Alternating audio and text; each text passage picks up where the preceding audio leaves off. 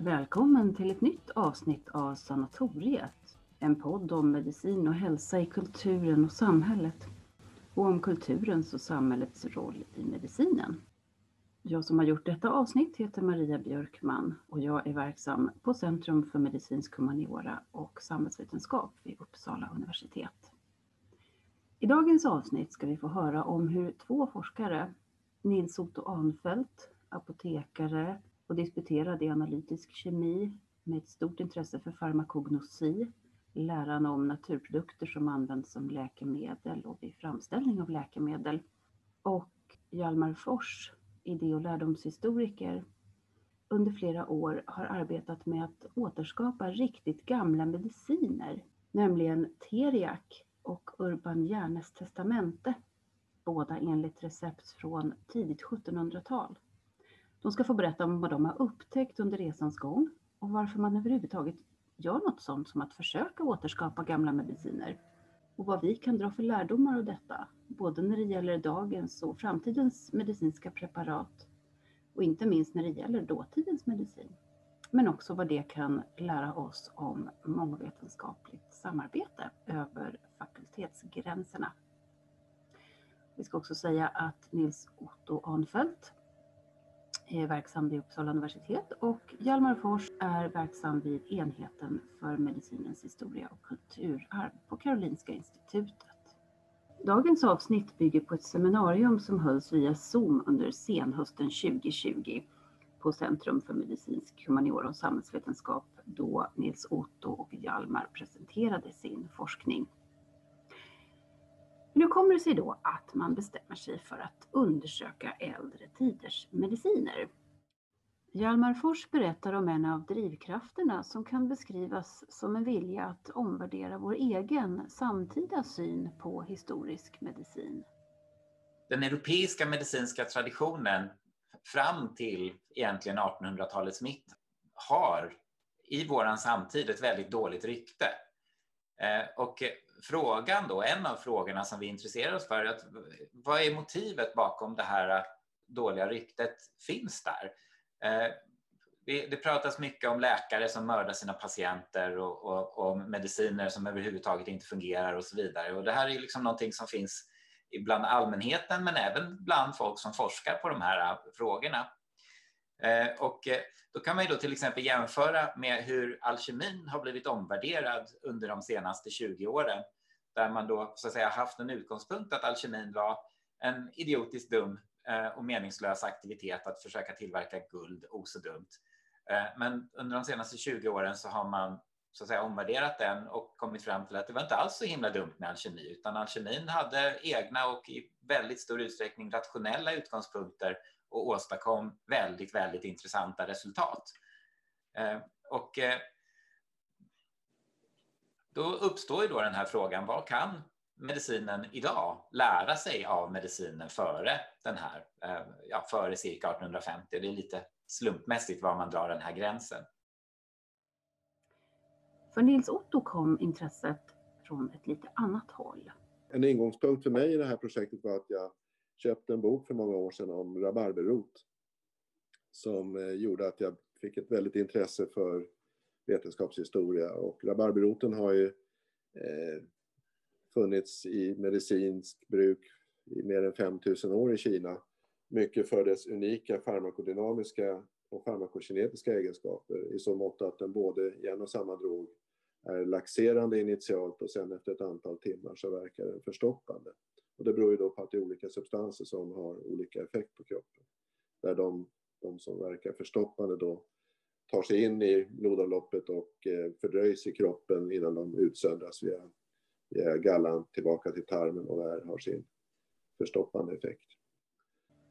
För att genomföra projektet har de behövt använda flera metoder som eh, Hjalmar beskriver så här framförallt Nils Otto och andra personer som har haft den kompetensen, har analyserat de här eh, medicinerna kemiskt och sensoriskt för att förstå hur man ska förstå sig på dem då i moderna kemiska termer och sätta in dem i det här eh, lite större sammanhanget av hur ska vi förstå dem i relation till till exempel till ayurveda, traditionell kinesisk medicin, men också till våra egna så att säga, hälsokosttraditioner och, och traditioner att bruka naturmediciner. Eh, och också förstå hur, vad är det meningen med att blanda dem på det här viset? Vad innebär kompositionen? Eh, och inte minst vilket seglade upp efter ett tag, men inte alls från början. Eh, vilken betydelse har det att de här produkterna åldras? Just åldrandet av preparaten ska vi återkomma till lite senare. Ett mål med projektet har varit att komma nära de gamla framställningsformerna. Om det och också om vad det rent teoretiskt är de har åstadkommit i projektet förklarar Hjalmar så här. Återskapar vi medicinerna och det är också kopplat till det här att, att lära sig de fysiska processerna, hantverken, att få in det i kroppen, hur man, gör, hur man rör sig, hur man gör. Eh, men då ska, när man återskapar medicinerna så, så tar man ju det ett steg längre, man får också en produkt. Eh, men det här är så att säga skillnaden. Det finns en slags, eh, en slags skillnad, teoretisk skillnad mellan reproducing och då är det fokus på föremålet man skapar och reworking och då är det fokus på själva processen att skapa snarare än att man får ett, ett, ett resultat som är, som är så att säga tidstroget eller en kopia. Kopia eller återskapande eller inte? Så här kommenterar Nils Otto den frågan. Den stora frågan man kan ställa sig naturligtvis om vi verkligen har återskapat en 1800-tals eller en 1700-tals medicin. Nej, det är väl snarare så att vi liksom har gjort en modern tolkning av det och det, vi kan ju liksom inte vara riktigt säkra på hur de här ingredienserna som ingick på 1700-talet, om det är samma typ av kvalitet som vi har fått tag i. Men eh, vad var då det här för mediciner?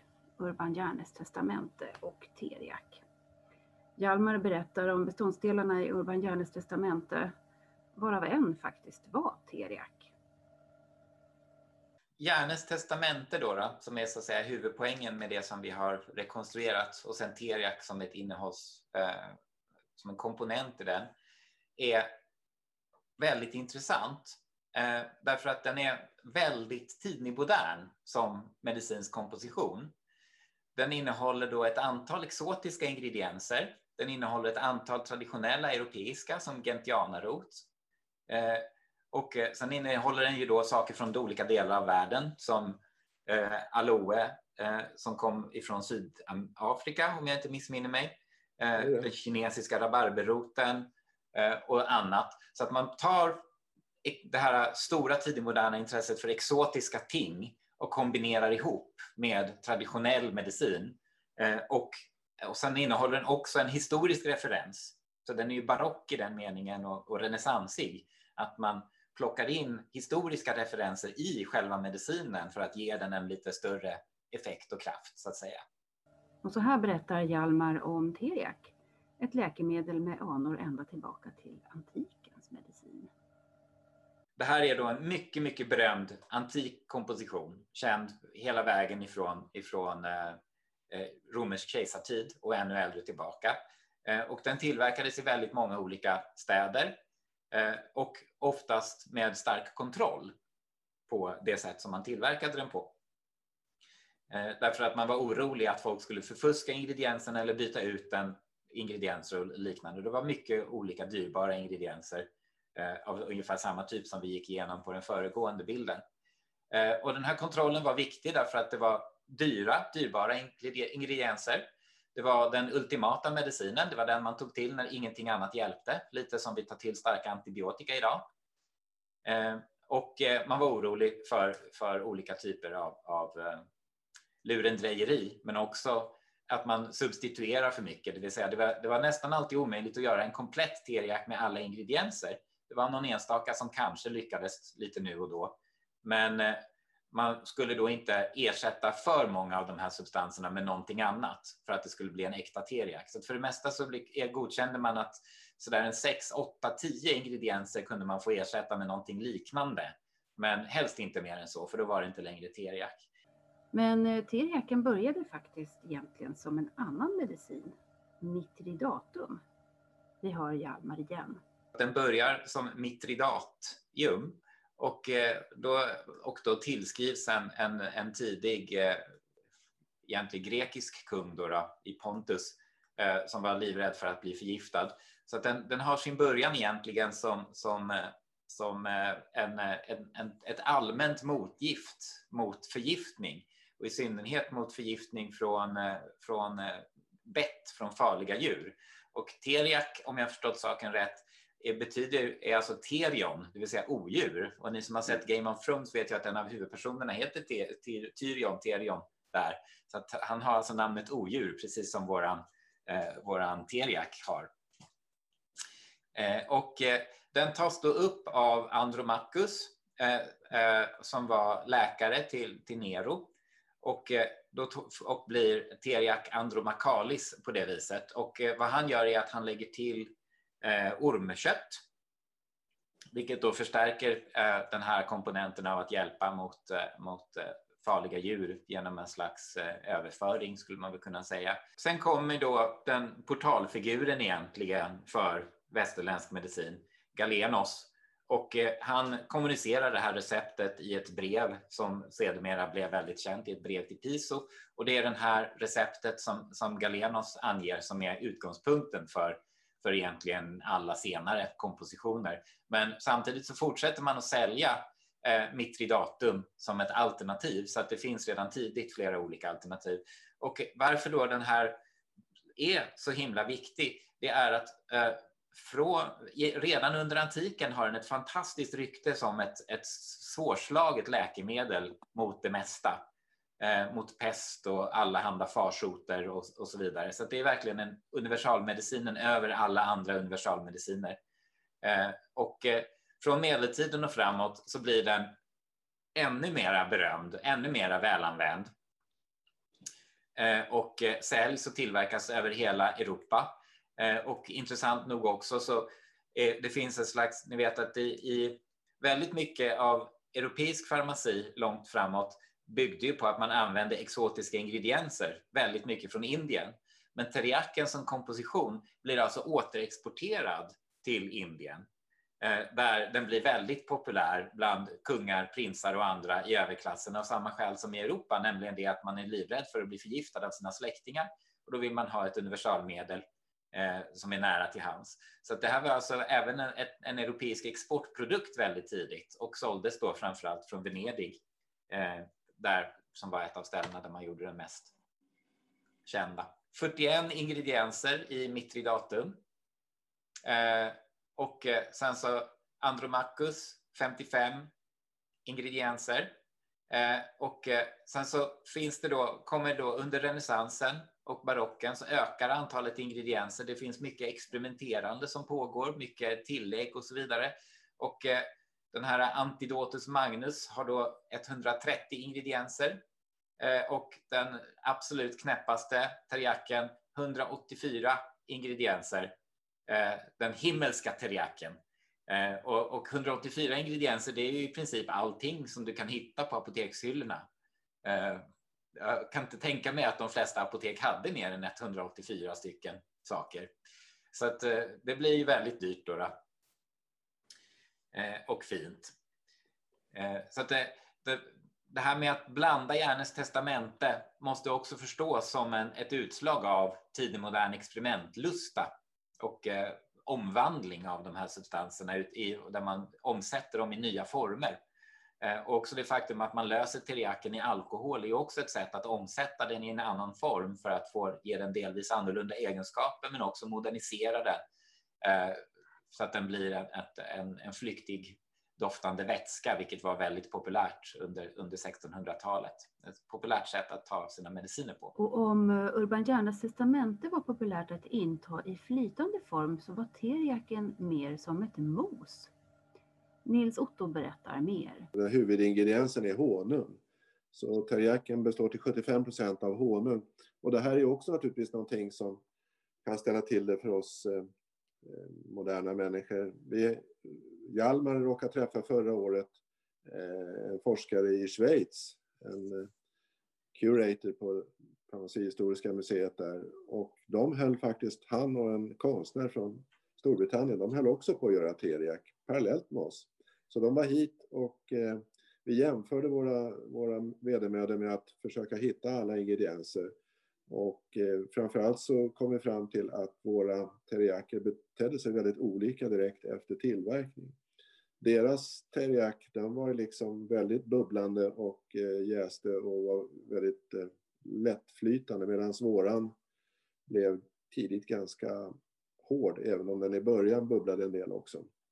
I vilket fall som helst så är merparten av ingredienserna av, kommer från växtriket och man kan säga att det är väl Eh, både rötter och, och eh, frön och blomdelar eh, och hartser.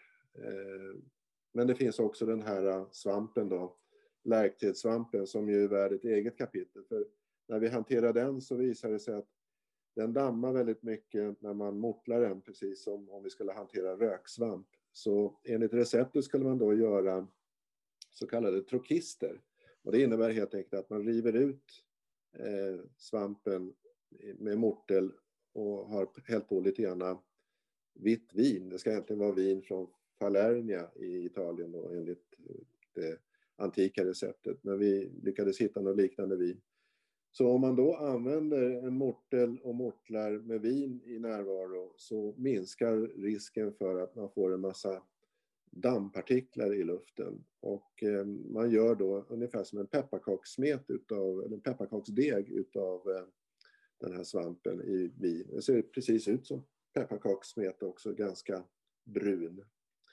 Eh, opium är också eh, värt ett eget kapitel. Hjalmar utmanade mig att borde ju ha med opium i det här. Jag var initialt väldigt skeptisk till det, men jag har ju jobbat på ett företag i Uppsala som, som, där jag även var ansvarig för att importera kontrollgifter som det heter, det vill säga narkotika. Och, eh, så jag visste vart jag skulle vända mig när, när jag inte kunde hitta någon leverantör i Sverige av råopium. Så att vi lyckades med Läkemedelsverkets hjälp och ett amerikanskt företag få hem 5 gram råopium som vi eh, i princip har använt upp det mesta men eh, vi har inte använt det annat än att vi har gjort prover som ligger på förvaring. Vi kommer tillbaka till det sen. Eh, det finns några komponenter från djurriket, förutom honung så är det då bävergäll. Och det var också värt en mässa att försöka få tag i det eh, eftersom eh, jag är ingen jägare men, men bekantas bekanta så att säga kunde förse oss med bävergäll i sprit. Och den sista biten här är då rostat kött från huggor. Och här i Sverige och i Europa är ju huggormen fridlyst. Så det fick vi lösa på ett annat sätt. Så Hjalmar kom på att använda grodlår som vi rostade i ugn i 100 grader. Det finns också några mineraler eller eller delar från mineralriket. Det är bland annat kopparoxid men också eh, jord från Lemnos som eh, vi kommer tillbaka till lite grann om en stund. Inalles kan vi säga att det är då ett, eh, egentligen ett 80-tal ingredienser därför att eh, i den här teriyakin så är det lite grann som en sån här matrusjka-docka att, att man har gjort då trokister som jag sa, det är en slags tidig modern tablettform. Eh, och eh, som man gjorde bland annat utav den här lärkträdssvampen. Men man gjorde också en annan trokist som heter Hedikroy och i den ingick det 14 ingredienser. Och ett antal av dessa 14 finns ju med i originalreceptet på teriak. Så inalles så är det faktiskt mer än 64 ingredienser, det är snarare 75. Förutom de ibland rätt omständliga ansträngningar för att få tag i ingredienser och bereda dem på ett jämförbart sätt som Hjalmar och Nils Otto har gjort, så har det ibland till och med varit svårt att veta om dagens ingredienser verkligen motsvarar ingredienser med samma namn som finns i de gamla beskrivningarna. Och Hjalmar kommenterar detta så här. När man då ägnar sig åt den här typen av återskapande av, av mediciner så visar det sig att man landar ju i väldigt likartade problem som den tidens apotekare. Och ett av de stora problemen det var ju alltså att matcha substans mot beskrivning eller ord, som det heter. Eh, och eh, det här är svårare än vad man kan tro därför att eh, substanser byter ju namn hela tiden. Dels när de, tiden rör sig över, alltså historiskt så rör sig eh, nomenklaturen på olika sätt. Eh, och eh, om, om exporten sinar på en vara så kan det vara så att man döper om en annan sak till att bli den varan. Eh, och sen så börjar man importera någonting annat istället, men man bibehåller namnet. Och det finns flera exempel på det här, till exempel purpurfärgen har bytt färg historiskt beroende på om man hade tillgång då till purpursnäckan eller inte. Man var tvungen att ha purpur på kejserliga och kungliga kläder, men om man inte har tillgång till purpur så använder man scharlakansrött istället och då får det vara purpur. Och, och exakt samma typ av, av, frågor dyker upp när det gäller mediciner, att man måste ha tillgång till medicinen, men, men om man inte har den, då får man ta någonting annat och kalla det det. Eh, och, och det här problemet det fick, hade man ju under renässansen. När Galenos pratar om en specifik substans, hur kan vi vara säkra på att det vi kallar substansen idag är den substansen? Och då får man ju en slags filologisk verksamhet som man kombinerar med fältstudier där man då etablerar namn. Och det är därför som vi inte säger att vi har gjort antik teriak. Därför att det har vi eventuellt inte gjort, utan vi har gjort en renässans-teriak, det vill säga att vi utgår i vårt recept ifrån eh, renässansens filologer som då har etablerat recepthistorien åt oss redan. Så det, det vi har gjort är en 1600-tals teriak som i sin tur går tillbaka på renässansens tolkning av vilka substanser som ingick i den antika teriaken. Men hur har de då löst de här problemen? Hjalmar berättar vidare. Mycket av det arbete vi har gjort här nu har ju, har ju i princip handlat om att etablera att i, i princip att lägga våra, att hitta den lin, tidiga linjeanska beteckningar på de här växterna. Eh, och så har vi matchat dem mot beskrivningar som är samtida med Linné eller något före. Eh, och på så vis så har vi då vetat att när när vi pratar om, om då kinesisk rabarber till exempel, så har vi, den, har vi den linjanska beteckningen på kinesisk rabarber så vet vi att om vi tittar i, i böcker som är ungefär samtida med Linné så vet vi vad han pratar om och sen så har vi etablerat tillbaka till då det här receptet ifrån 1686. Och på så vis så tror vi oss veta vad det är för någonting som vi hanterar. Eh, och det, det är liksom allt ifrån järnoxid till annat. Så att hur, hur ska vi veta att det, när vi köper då järnoxid idag, hur ska vi veta att det är samma sak som efterfrågas i, i det röda färgämne som finns i receptet från 1600-talet? Så att det här är liksom den här, att, att etablera recepthistorien är en viktig del i det hela. Men problemen slutar inte där. Enligt historisk praxis skulle teriak lagras i flera år innan användning. Nils Otto berättar. Den här teriaken, den det står ordagrant att den behöver liksom en lång tid för att mogna innan man kan använda den här antidoten. Och som det står här så, så normalt så är den användbar efter, först efter 12 års lagring. Men om man vill ha en som är starkare så kan man ta den efter fem eller sju år. Och, eh, och i synnerhet om man då har blivit biten av eh, orm eller galna hundar. Eh, och det står lite längre ner i den här texten att man kan faktiskt använda den eh, redan efter några månader. Så att till skillnad från dagens läkemedel som ju har ett bäst före-datum så har den här då ett bäst efter-datum. Och det är naturligtvis så att det blir man lite intresserad av att förstå. Fanns det någon rational varför så att säga, medicinen var för stark till att börja med? Och vi kommer tillbaka till det här då med eh, vad är det för ingredienser som så att säga, kan ha någon kraftig farmakologisk effekt. För de flesta ingredienserna är ju mer av karaktären kryddor. Eh, även om ja, till exempel den här leran från ön Lemnos som vi analyserat, den visade sig när man då gör analys av lera eh, med icke-förstörande tekniker, vi hade tillgång till sådana här terrasigilaten, så innehåller den eh, olika typer av silikater av järn, aluminium och eh, eh, kalcium. Och eh, de här påminner rent kemiskt faktiskt om en medicin som kom när jag var yngre, nämligen Novalucol som användes för sura problem med, med syra i magen. Så det är även lämnosjorden då kan säkert ha haft någon form av effekt att helt enkelt buffra upp eh, produkten. Och för att försöka förstå vilka principer som låg bakom den långa lagringstiden har Nils Otto och Hjalmar använt metoder för kemisk analys. Och så här beskriver Nils Otto sådana analyser. Dagens analysmetoder eller analysinstrument möjliggör ju att liksom verkligen kartlägga små skillnader. Anders Backlund på, på farmakonosin har berättat för mig att troligtvis så finns det ungefär 100 olika ämnen i varje växt och det gör att om man då har en produkt som Teriac så finns det ju potentiellt kanske 10 000 olika kemiska ämnen i, i den brygden så att säga.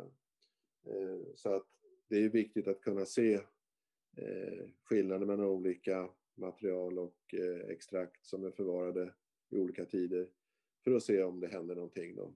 Men också så kan naturligtvis det här användas för att eh, eh se om det finns eh, en användning för det här eh, idag. Jag har nu en examensarbetare i höst som håller på att analysera de här proverna som nu har blivit två år gamla för att då börja titta lite grann på vad som händer med opiumkomponenterna för att se om, om förklaringen ligger i att det är eh, någon förändring i till exempel morfinnivåerna och kodinnivåerna som förklarar varför man skulle vänta några år eftersom att teriaken annars var för stark. och eh, det är väl för tidigt att säga. Det finns något arbete som kom förra året som visar på att antika prover utav eh, av opium Eh, har väldigt lite innehåll av morfin. Eh, men preliminära data från den här examensarbetarens eh, studier visar på att vi har då fått tillgång till några historiska prover också, att eh, den är troligtvis ganska stabil. Och förutom kemiska analyser som kan bidra till en förståelse för hur vissa av de här beståndsdelarna eventuellt skulle kunna användas idag, satsar Nils Otto och Hjalmar också på att få fram en kommersiellt gångbar produkt. Under projektets gång så ansökte de om och fick eh, medel från Uppsala universitet Innovation för att möjliggöra en sensorisk analys som skulle ligga till grund för framställningen av, inte en medicin, men väl en spritdryck. Med den information vi har nu i bagaget så är det möjligt att göra en kommersiell produkt och eh, det är ju det vi håller på med naturligtvis nu också, att försöka göra en kommersiell produkt. Men vi är inte riktigt framme vid det. Så framöver kanske det blir läge att hålla utkik efter denna spritdryck. Men spritdrycker åsido så verkar det finnas stora fördelar och lärdomar med att arbeta över fakultetsgränserna på det här sättet som Nils Otto och Hjalmar gjort. Jag ber dem kommentera för och nackdelar med sitt samarbete. För min del så jag började ju som student som du vet på idé och lärdomshistoria och det öppnade lite grann en ny värld för mig så att eh, jag tror att liksom det som sen blev ett samarbete med Hjalmar eh, i det här forskningsprojektet var ju liksom för mig det öppnade en helt ny värld. Eh, att liksom med hjälp om man säger de, de kunskaper och erfarenheter som jag har då efter ett långt liv i läkemedelsindustrin mestadels, men även i, i universitetet för många år sedan, så, så har det ju liksom möjliggjort att göra saker som jag inte trodde var möjligt. Ehm, och eh, det här exemplet med den sensoriska analysen tycker jag belyser det allra mest. Jag håller med Nils Otto om, om, om det han säger. Jag har några tillägg också utifrån det här med att vara humanist och vetenskapshistoriker. Att, alltså, jag, jag tror att i, innan jag började eh, samarbeta med Nils Otto så tror jag att jag, jag hade en, en, en, slags, en ganska defensiv inställning i relation till personer som utövar naturvetenskap i olika former. Alltså som vetenskapshistoriker så, blir man, så, tänk, så är man ju tämligen medveten om att, det, att man studerar ett fält med personer som håller på med någonting eh, och som humanist. Det finns liksom en fråga där man hela tiden på något sätt måste definiera sin identitet. Eh, och, och, det där kan man tendera till att göra på lite olika defensiva sätt. Eh, och, och framför allt att jag hade nog i början en tendens till att väldigt hårt försvara forskningsfrågorna. Det var jätteviktigt för mig att det här skulle vara ett historiskt projekt med historiska frågor. Och, och vi skulle svara på de historiska frågorna på ett historiskt sätt och, och därmed basta. Eh, Ler Nils Otto för han känner nog igen det här. Mm. Eh, men med tiden så började jag istället följa med på resan. När jag upptäckte att Nils Otto hittade någonting som var intressant och som jag inte förstod mig på så, så liksom följde jag med på resan där och istället började liksom kolla så här, vad kan jag få för nytta av att ställa nya historiska frågor utifrån att få följa med på en annan typ av vetenskaplig resa. Och det var först då det egentligen började bli intressant på riktigt. Man måste närma sig ett sånt här samarbete på ett ödmjukt sätt och respektera varandras kunskaper och erfarenheter. Eh, men också att man, man, får, man måste försöka förkovra sig i vad den andra kan och gör, även om man aldrig kan bli lika duktig som en vetenskapshistoriker som har doktorerat i området. Det har jag inte ambition att bli, eh, även om jag kanske någon gång i, om jag blir hundra år, kanske hinner doktorera i vetenskapshistoria också. Vem vet? En känd svårighet vid tvärvetenskapligt samarbete är ju var man ska publicera sina resultat. För när två eller fler vetenskapliga discipliner samverkar så blir ju inte resultatet så lätt placerat i varken det ena eller andra ämnets tidskrifter eftersom det genom samarbetet har uppstått någonting helt nytt. Och så här har de hanterat den frågan. Vi hade ju en, en artikel som vi ville, gärna ville publicera naturvetenskapligt. Men eh, vi fick inte någon bra respons på den. Den hamnade oftast eh, hos, ja, så det, den, den, det är inte kul att, att, få ett nej liksom, på en eh, review. Men intrycket var ju att vissa reviewers faktiskt inte eh, förstod alls vad poängen var.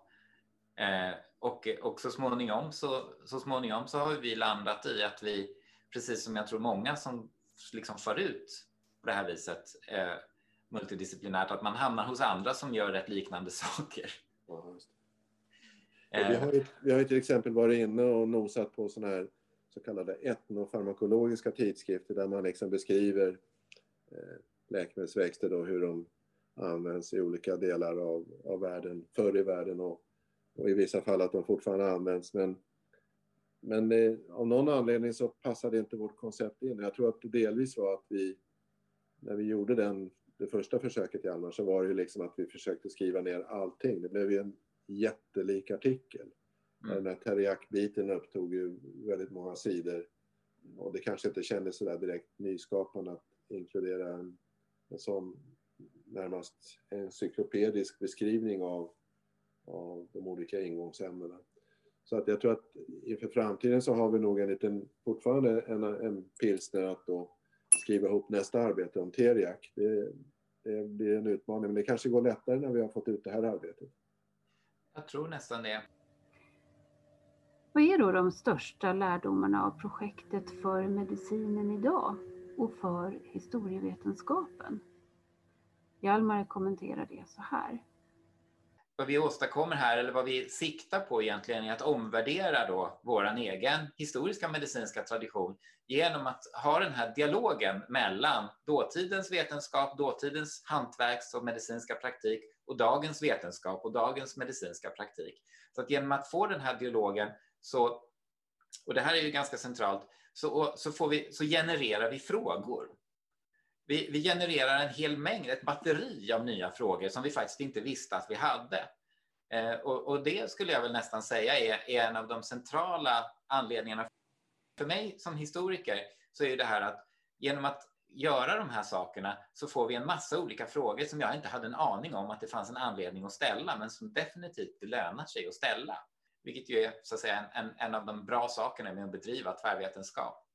Det skapar också en möjlighet för oss att skapa eh, smak och doftrepliker som ett sätt att få tillgång till de här förlorade sensoriska världarna, historiens förlorade sensoriska erfarenheter och världar. Vi kan inte återskapa dem, vi kan inte så att säga ställa oss i, ta på oss de skor som det förflutnas människor bar och gå i deras spår eller gå på deras vägar. Men vad vi kan göra är att vi kan skapa en, en bredare bild av vad det var att vara människa eh, i en historisk period.